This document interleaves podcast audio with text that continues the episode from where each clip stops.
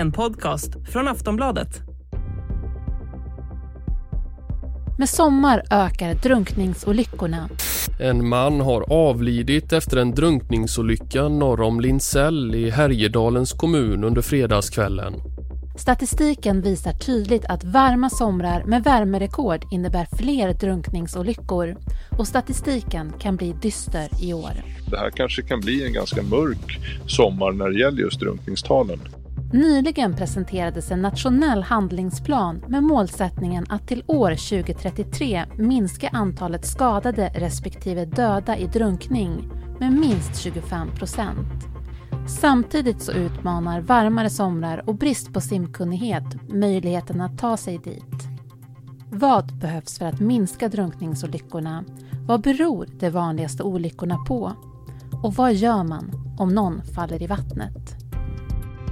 Du lyssnar på Aftonbladet Daily. Jag heter Eva Eriksson. Gäst är Mikael Olausson, generalsekreterare på Svenska Livräddningssällskapet. Varje sommar så ser vi att eh, drunkningstalen stiger och de stiger särskilt mycket de, de varma somrarna, de, de solrika somrarna. Och det där tänker vi delvis hänger ihop med en ökad exponering. Det vill säga det är fler som söker sig till badstränder, eh, vatten generellt för att svalka sig och då också kommer en hel del som inte är så vana badare och simmare som också söker sig dit. Och, och då ökar riskfaktorn helt enkelt.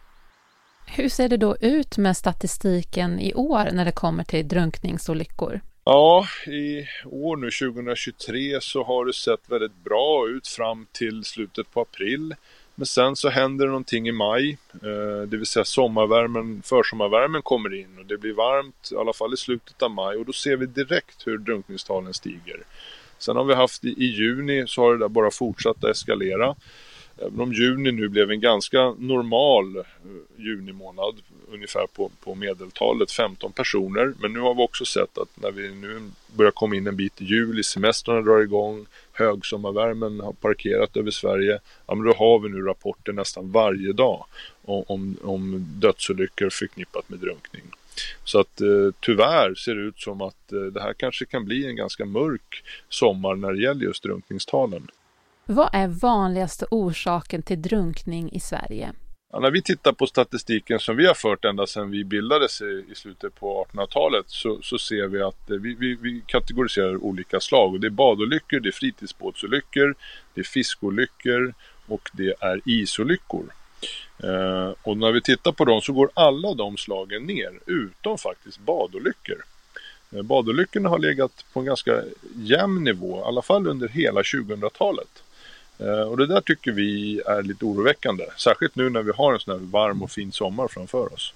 Vart finns det störst luckor när det kommer till simkunnighet? Ja, vi har precis i dagarna släppt faktiskt en attitydundersökning som, som visar att en och en halv miljoner svenskar faktiskt inte på en fråga om de kan simma 200 meter uppger att de tror att de inte kan det.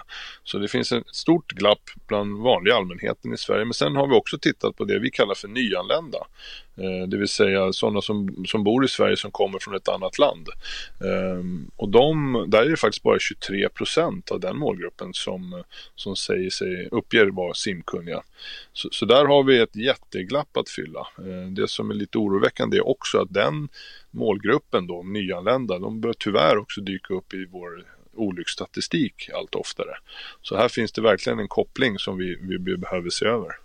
Hur vet man då om man är tillräckligt simkunnig?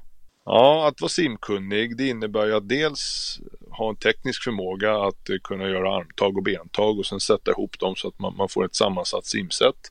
Men sen är det också förknippat med en förmåga, det vill säga att man klarar av att simma 200 meter i öppet vatten, eh, varav 50 meter ska vara på rygg. Och det här eh, kan ju många då felaktigt tänka att ah, simma det är som att cykla. Har man en gång lärt sig det så kan man alltid det. Men det, det är inte sant utan simkunnighet är en färskvara som man hela tiden måste upprätthålla. Och det är därför det är så viktigt att testa simkunnigheten varje, inför varje säsong. Eh, och vi säger minst en gång per år tycker vi att man ska testa simkunnigheten. Och då ta ett simborgarmärke till exempel.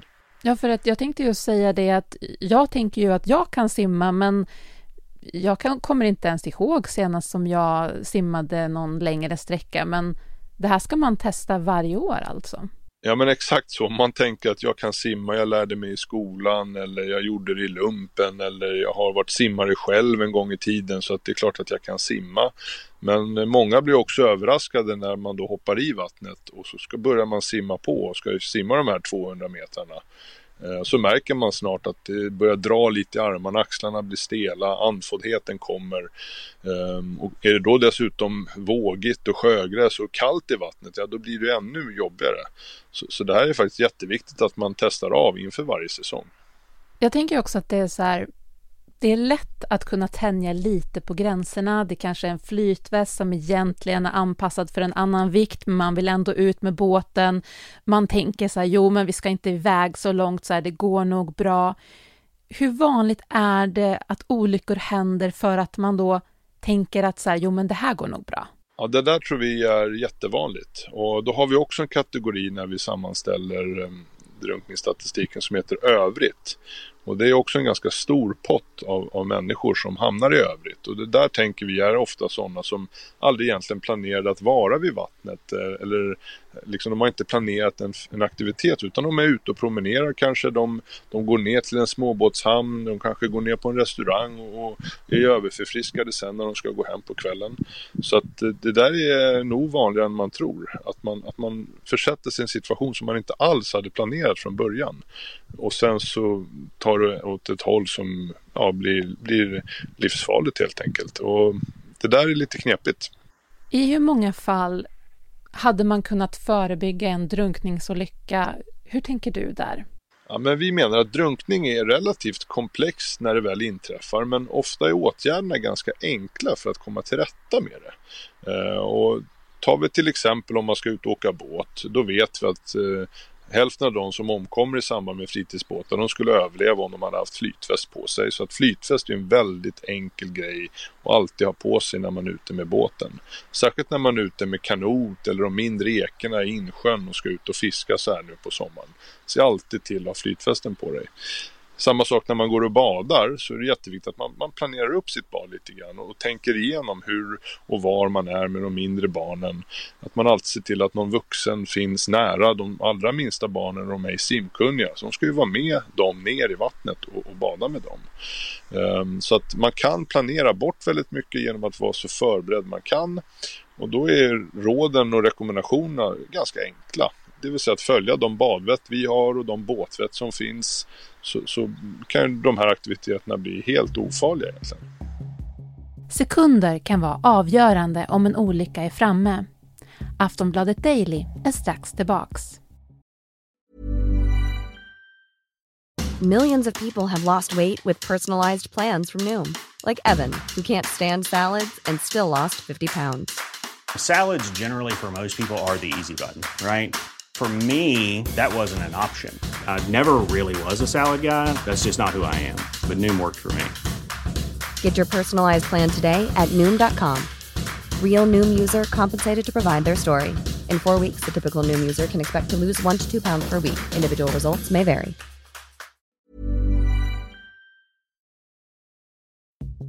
Om man behöver larma, på vilket sätt räknas tiden?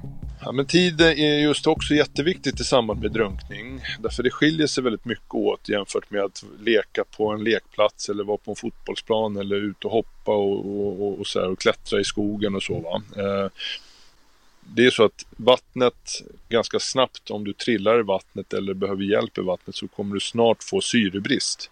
Och här är tidsfaktorn jätteviktig. Så därför är det så viktigt som vi brukar prata om att man ska se tidiga tecken på att drunkning håller på att inträffa.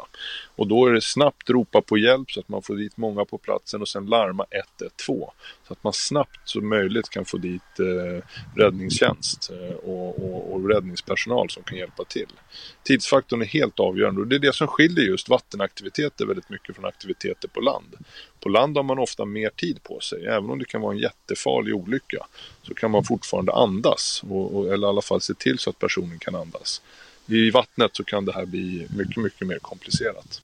Kan det handla om sekunder? Ja, vi brukar prata om minuter i alla fall och att eh, man har ungefär fyra minuter på sig, säger vi, från det att man lämnar ytan. Då behöver man snabbt få dit någon. Eh, så att man får upp personen vid ytan och sen eh, kan, kan säkra dem där. Men sen är det så när man säger sekunder så, så till exempel med de små barnen kan det gå väldigt fort. Och då kan det faktiskt handla om sekunder, det vill säga att man vänder sig om eller att man tittar i väskan efter sin mobiltelefon. Ja, då kan barnet ha rört sig iväg ner mot vattnet och, och trillar det i vattnet då beroende på vad det är för typ av vatten så kan det gå väldigt, väldigt fort till att barnet kommer under ytan. Och när det väl kommer under ytan, ja men då är det väldigt svårt att sedan lokalisera det. Så i, när det gäller de små barnen så menar vi att där, där kan det handla om sekunder. Jag vill ändå dra ett scenario nu när vi pratar om det här. Säg då att någon hamnar under ytan, har varit under en stund och liksom, men man ändå får upp personen. Vad händer sen? Vad gör man för någonting? Ja men precis, och vi pratar om, om kedjan som räddar liv vid drunkning och det, där har vi isolerat fem olika stadier av det här. Och det första stadiet handlar om att förebygga, det vill säga så långt som möjligt försöka förutse så att vad som kan inträffa och försöka förebygga det. Flytväst, eh, bada tillsammans och alla de här reglerna vi har. Sen handlar det om att se tidiga tecken på att någonting är på gång eh, för att bryta den här processen som drunkning innebär. Eh, och nu har ju ett scenario att nu har personen hamnat under ytan. Eh, då gäller det att snabbt försöka lokalisera vart personen försvann ropa på hjälp så att det kommer dit flera. För att man kan behöva hjälp i den här situationen. Man själv kanske inte är rustad för att göra ett neddyk eller simma ut överhuvudtaget utan det är kanske andra som behöver göra det. Och det gäller också alltid att se till att man har med sig flythjälpmedel. En livboj är bra därför den, den är, finns på väldigt många platser. Så man tar med sig den ut, man försöker få upp personen och sen säkrar man personen i livbojen. När man väl har fått upp personen vid ytan då är det jätteviktigt att snabbt få in dem till land och sen när man väl är på land så handlar det om att ge dem syre, det vill säga mun till munandning. Tio stycken ganska kraftiga inblåsningar. Eh, om personen då fortfarande är medvetslös eh, och då handlar det om att snabbt komma igång med hjärt och lungräddning helt enkelt. Och sen bara fortsätta med hjärt och lungräddning tills blåljuspersonal kommer och kan ta över klimatförändringar då vi, vi sa just det att det stiger på somrarna och att även att varma somrar verkar ha en påverkan. Kan man tänka sig att det här blir ännu viktigare att tänka på just hur man kan förebygga drunkningsolyckor med klimatförändringar om det blir varmare somrar?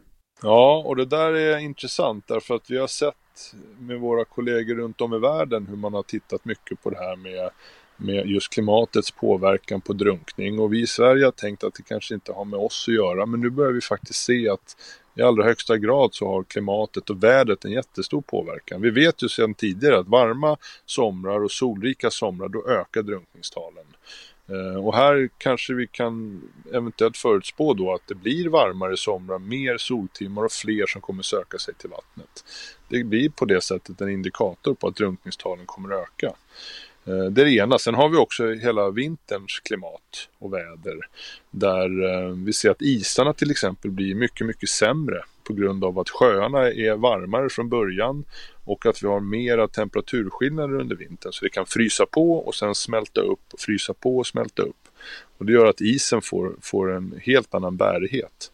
Eh, vilket gör att den blir svår att, att läsa och tyda.